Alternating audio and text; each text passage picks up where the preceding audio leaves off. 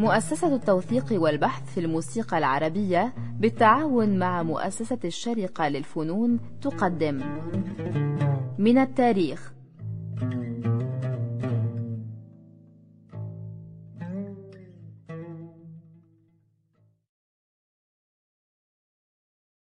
أصدقائنا المستمعين أهلا وسهلا بكم في حلقة جديدة من برنامج من التاريخ. في حلقة اليوم نتحدث عن علم من أعلام الموسيقى العربية في نهايات القرن التاسع عشر ومطلع القرن العشرين. هو إبراهيم الأباني.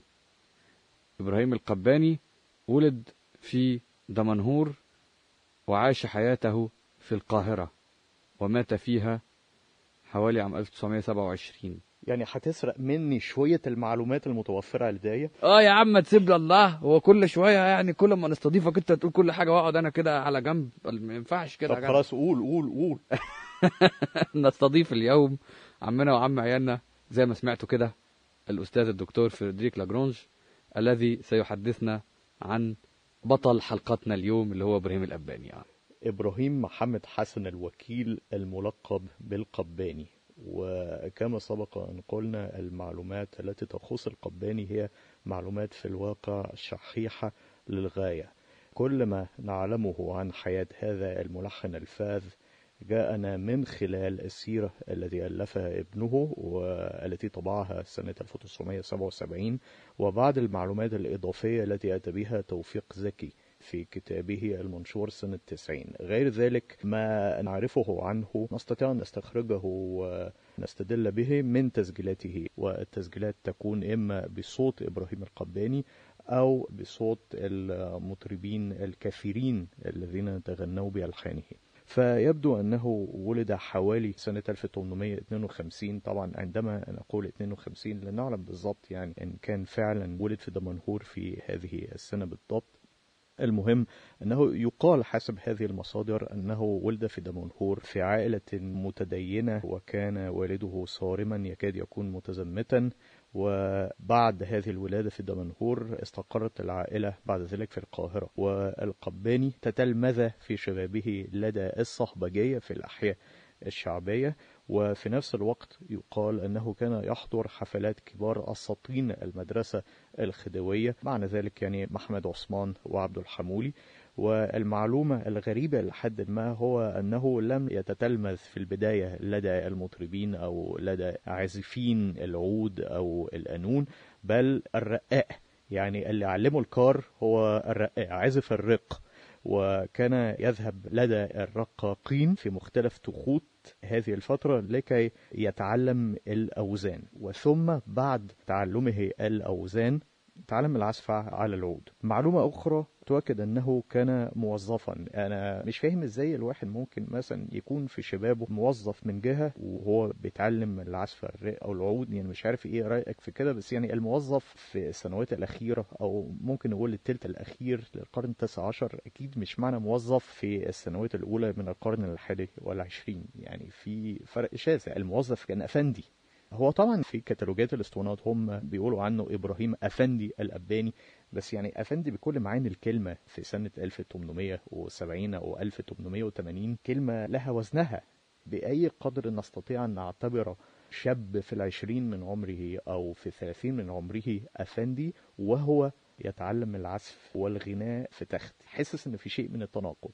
أظن إذا قلنا إنه كان في بعض البهوات بيتعلموا مزيكا على إيد كبار العازفين وكبار الموسيقيين في هذه المرحلة. يبقى ممكن يكون أفندي بيتعلم بس اللي أنا شاكك فيه حقيقة هو إنه هو ما تعلمش من عثمان وعبد الحمولي أو هو إنه بدأ في الأوزان إلى آخره. يعني إذا كان بدأ في الأوزان فعلا وما تعلمش عود إلا في مرحلة متأخرة طيب ليه ما عندوش موشحات؟ هم ما بيقولش يعني في مرحلة متأخرة هم بيقولوا إن هو ابتدى بالأوزان وبعد ذلك انتقل للعود. بس أنا معاك تماما في مسألة الموشحات. إن كان فعلا تخصص في الأوزان أولا لماذا لم يلحن موشحات؟ وثانيا لماذا لا نستشعر المزيد من الانتقالات الإيقاعية مثلا في أدواره؟ وهناك بعض الانتقالات الإيقاعية في أدواره الأخيرة كالفؤاد مخلوق لحبك على سبيل المثال. لكن غير ذلك يعني تكاد تكون أدواره على وتيرة إيقاعية واحدة أليس كذلك؟ نعم يعني إذا استثنينا من ذلك دور الأقساق وإذا استثنينا الفؤاد ماشي الحال لكن أنا مش عارف أنا عندي إحساس إن هو تتلمذ بشكل أو بآخر على إيد محمد عثمان عندما انتقل إلى القاهرة ولكن يبدو حسب المصادر التي ذكرتها أنه تبعا لمعارضة والده استقر هو لوحده في بنها حيث صار تلميذا للشيخ سليم رزق وتزوج بنته ثم طاف مختلف مدن الدلتا كالزقازيق ويبدو أنه كان يغني سنة 1875 في قهوة الخواجة جورجي في الزقازيق. يعني ابتدى حياته هو بيغني في القهاوي. يعني نرجع لموضوع الموظف. هو في موظف بيغني في القهاوي سنة 75 زيادة دخل يا سيد. صح ما يضرش. ثم جرب حظه في تلحين الأدوار غالبا الأدوار منذ البداية مما يؤكد فكرة أنه لابد من أن يكون تتلمذ لدى إما محمد عثمان إما عبد الحمولي ثم عاد إلى القاهرة بعد وفاة والده. وصار ملحنا مرموقا ومطربا في نفس الوقت. فعلا هو صوته جميل أداؤه ممتاز. يعني عندما مثلا نقارن تسجيلات داود حسني بتسجيلات إبراهيم الأباني أنا حاسس أن صوته مطرب أكتر. يعني صوته فيه شجن وصوت شجي بيهز الواحد. أصل أنا صراحة كمان بحب صوت داود حسني قوي مش هكذب عليك يعني. لكن آه، الأباني آه الأباني بيغني كويس. أنت أساسا يعني قصد تعرضني النهاردة مش عارف ليه يعني. مش عارف أنت نقرك من نقري النهارده؟ مش عارف. فعلا هو مطرب عنده إمكانيات صوتية وتحليات. أعتقد آه أزيد من داوود حسني. ويبدو إن هو فعلا امتهن الغناء أكتر ما داوود حسني امتهن الغناء.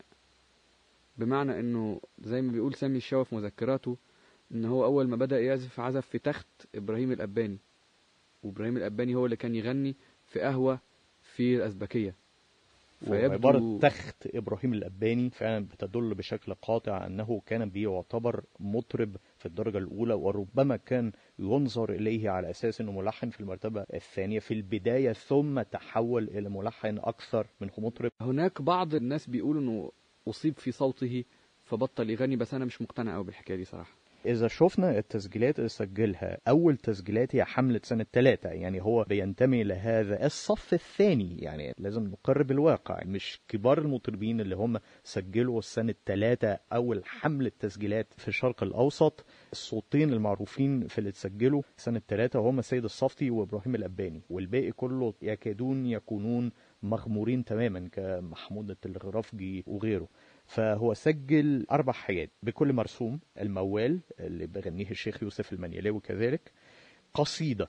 إحنا ما بنراش حاجة عن هذه القصيدة الغريب إن الاتيكيت مش مكتوب عليه حاجة خالص والكتالوج هما بس كاتبين قصيدة. إذا رجعنا لأوديون سنة حوالي أربعة في آخر سنة أربعة هنلاقي كمان إنه محمد سليم مسجل قصيدة وهنحط الأسطوانة ونسمعها تطلع قصيدة أراك عصية الدمع. فيبدو إن هو سجل أراك عصية الدمع. والله أعلم طبعا. احتمال يكون سجل أراك عصية الدمع إحنا فقط نتمنى أننا نعثر في يوم ما على هذه وبعدين نعرف هي آه عليها إيه بعدين تماما.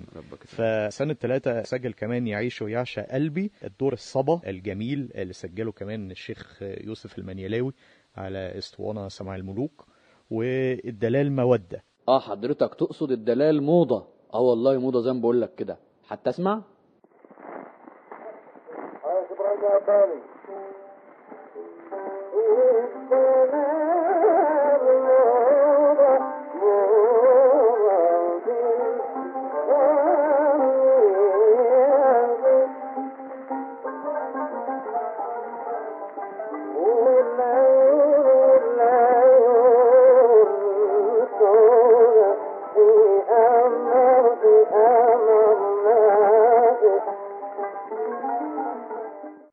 طيب خلينا نسمع من الجيل ده دور يعيش ويعشق قلبي لأن هو بيغنيه حلو قوي صراحة. الدور متسجل سنة ثلاثة والأسطوانة قفلت على صباعه في آخره.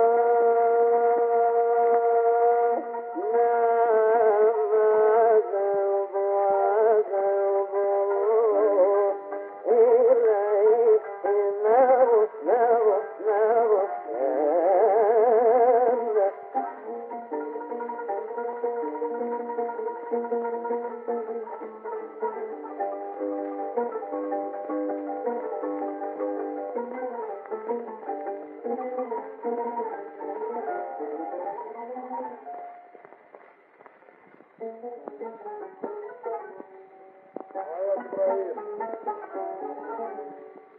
you.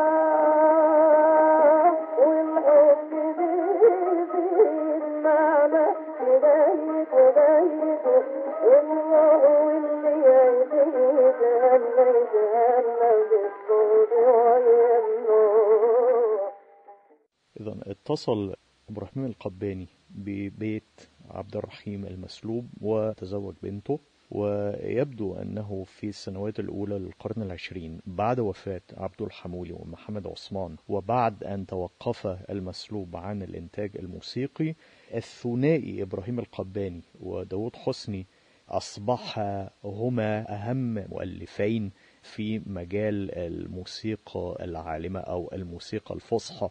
إنجاز التعبير. لكن حكايه تزوج ابنته دي. كل شوية تزوج ابنته تزوج ابنته. عند عبد الحمولي تزوج ابنته إبراهيم الأباني تزوج ابنته. كل حاجة تزوج ابنته. ملاحظة قيمة. أظن أنهم ولو بشكل رمزي الإشارة في كل المصادر القديمة إلى هذه الزيجات في الأوساط الموسيقية ربما تدل على عبارة عن التوارث الرمزي عن طريق التزاوج. أليس كذلك؟ يمكن بقى هو حتى في الملك يعني والحكم كان برضه تزوج ابنته. ملاحظة بس في التاريخ يعني عندنا. كل حاجة تزوج ابنته. خنقونا. كان الأباني من عواميد معهد الموسيقى الشرقية ويبدو أنه منذ سنة آه، 1920 عندما تأسست نقابة الموسيقيين صار هو نقيب الموسيقيين. طبعا يعني سنة 1920 ده تقريبا فترة بداية نضوب خياله الفني لأن آخر التسجيلات أو آخر التلحين اللي عملها هي تلحين ما بعد الحرب العالمية الأولى مباشرة تقريبا. يعني الأعمال الجميلة اللي عملها الأخيرة في الترتيب الزمني هتبقى إيه؟ مثلا الفؤاد مخلوق لحبك الفؤاد مخلوق لحبك التسجيل سنة 1915 بصوت زكي مراد. يعني فنقول مثلا إن هو لحن وفكر في اللحن ابتداء من سنة 14 بعدين تسجيلات سنة 19 برضو بصوت زكي مراد. وفي لحن جميل اللي هو يا قمر دار العيون الدور النوى أثر. على فكرة إحنا ممكن نسمع اللحنين دول ولكن خلاف هذين اللحنين ما افتكرش إن في أي حاجة عملها الأباني بعد سنة 19 أو بعد سنة 20 يعني أو آه، إن كان هناك لا أدري من سجلها.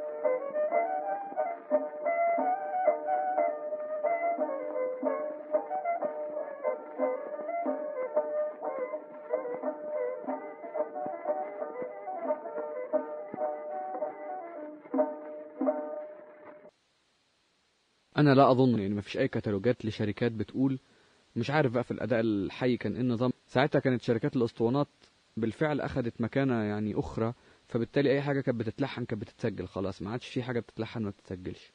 فبالتالي أنا أشك تماما إنه آه، وقتها في حاجة لحنها الاباني وما اتسجلتش يعني. احتمال. مع الأخذ بعين الاعتبار إن الفترة اللي هي بعد سنة عشرين هي إلى حد ما فترة أفول نجم شركة جراموفون ما عدا أم كلثوم. يعني شوف كمية تسجيلات جراموفون في السنوات اللي هي قبل الحرب العالمية الأولى وبعد الحرب مباشرة لغاية سنة عشرين وإنتاج جراموفون بعد سنة عشرين يعني خلاص جراموفون كانت خلصت تقريبا ما عدا أم كلثوم وعبد الوهاب. عبد الوهاب وأم كلثوم هم فرصة جراموفون إنها تستمر في السوق. يعني غير كده بايدافون وبوليفون والشركات التانية هي اللي كانت فعلا بتقود السوق يعني. أنا صراحة عندي اعتقاد آخر إنه جراموفون آخر العقد الأول وأول العقد الثاني من القرن العشرين كانت بتسجل ما لا يقل عن ست أضعاف كل الشركات. إذا لقينا 100 أسطوانة في كتالوج فودافون هنلاقي 600 في كتالوج جراموفون في العقد الثاني مثلا. في العقد الثالث بقوا يسجلوا قد بعض مش إنه دي بتسجل أكتر من دي. تماما. وده اللي ممكن يدي انطباع إن فعلا جراموفون فقدت هذه المكانة المهيمنة على السوق اللي كانت بتميزها في الفترة اللي هي بين 1906 لغاية يعني 17 آه، 18 كده. نرجع لإبراهيم الأباني ابتداء من قول 19 20 هو توقف عن التلحين وصار فقط يعني أحد أعمدة معهد الموسيقى الشرقية ونقيب الموسيقيين. بالنسبة لإنتاجه الموسيقي بالنسبة للقوالب اللي لحنها الحاجة اللي إحنا ممكن نلاحظها إنه تقريبا هو مقل في كل القوالب غير الدور طبعا الموال لا يعتبر لحن لحن نعم. فالموال مرتجل هو سجل موالين وهم بكل مرسوم أمرني الحب والنهاني والموال بين قوسين سياسي اللي هو موال مصطفى كامل باشا نعم. مصطفى كامل باشا توفي سنة 1908 فغالبا يكون غناه سنة 8 أو نفس- 9 بالكتير قوي نعم. يعني. بس دي أساسا قوالب غير ملحنة هي قوالب ارتجالية في المرتبة الأولى.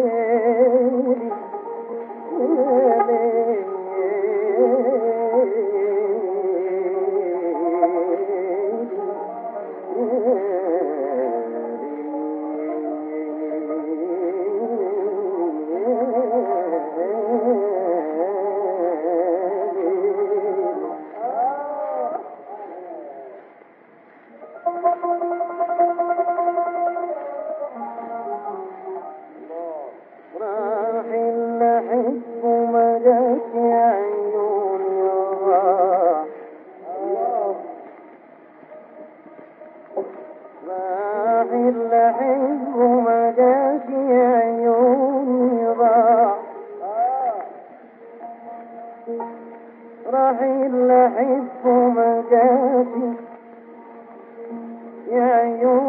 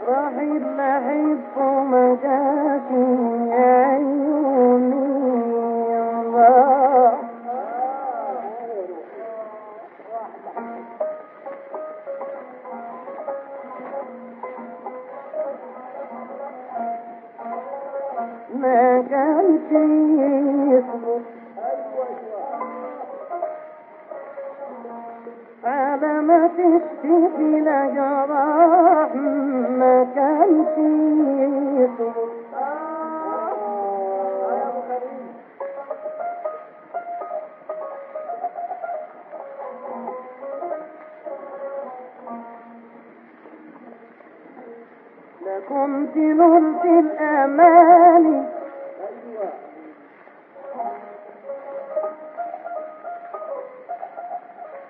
والصفا شامل لكنت نلت الأماني والصفا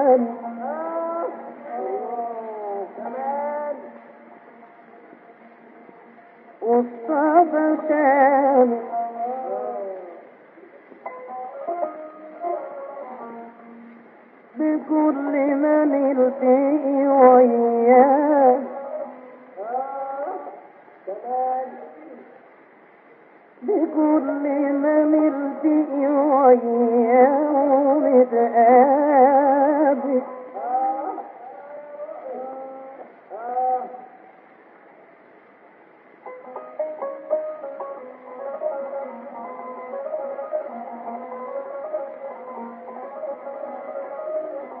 ندم على ذي المطالع بدرك الكامل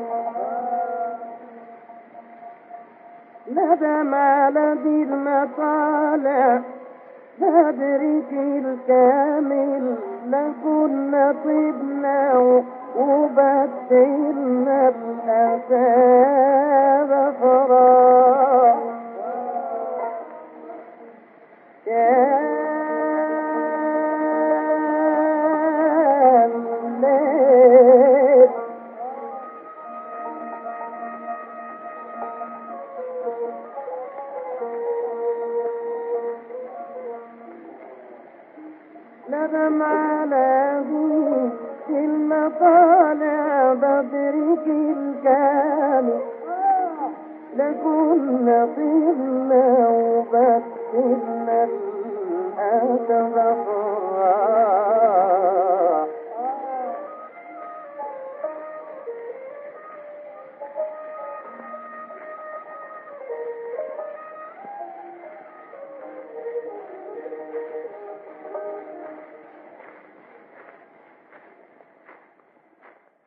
ثم في هذه القصيدة الغامضة التي أشرنا إليها وبعد ذلك كل اللي عمله أدوار. يعني مقارنة بداود حسني اللي جرب حظه تقريبا في كل القوالب الملحنة الألحان المسرحية التقاطيق الدور المونولوج وخلاف ذلك إبراهيم القباني. وهو معروف عنه أنه هو فعلا منافس داود حسني الأول. إنتاجه كله أدوار. ويا لها من أدوار. نعم عظيمة طبعا طبعا. لكن إحنا كمان ما نقدرش نقول هو كان بيغني إزاي في الأداء الحي.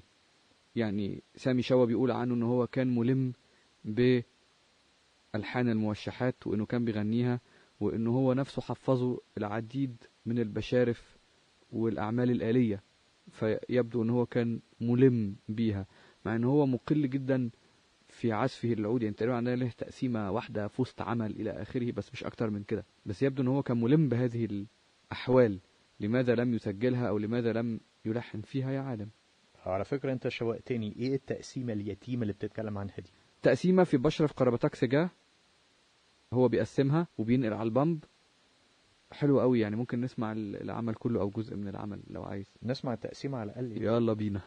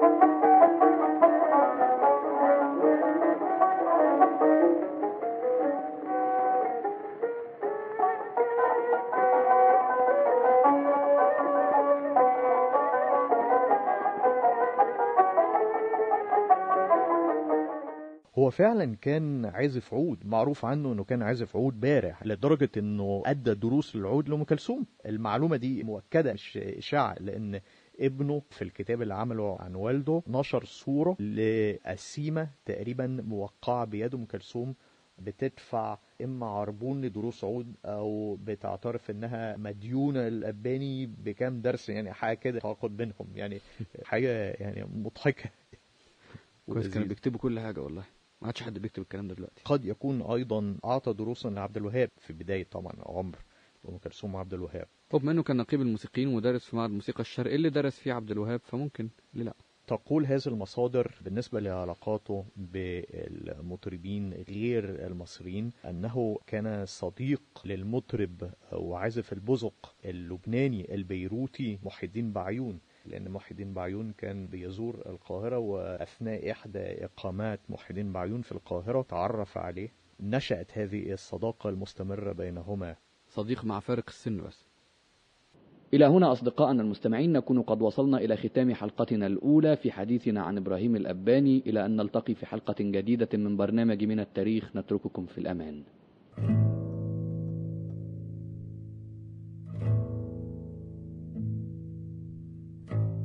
من التاريخ. فكرة وإعداد مصطفى سعيد.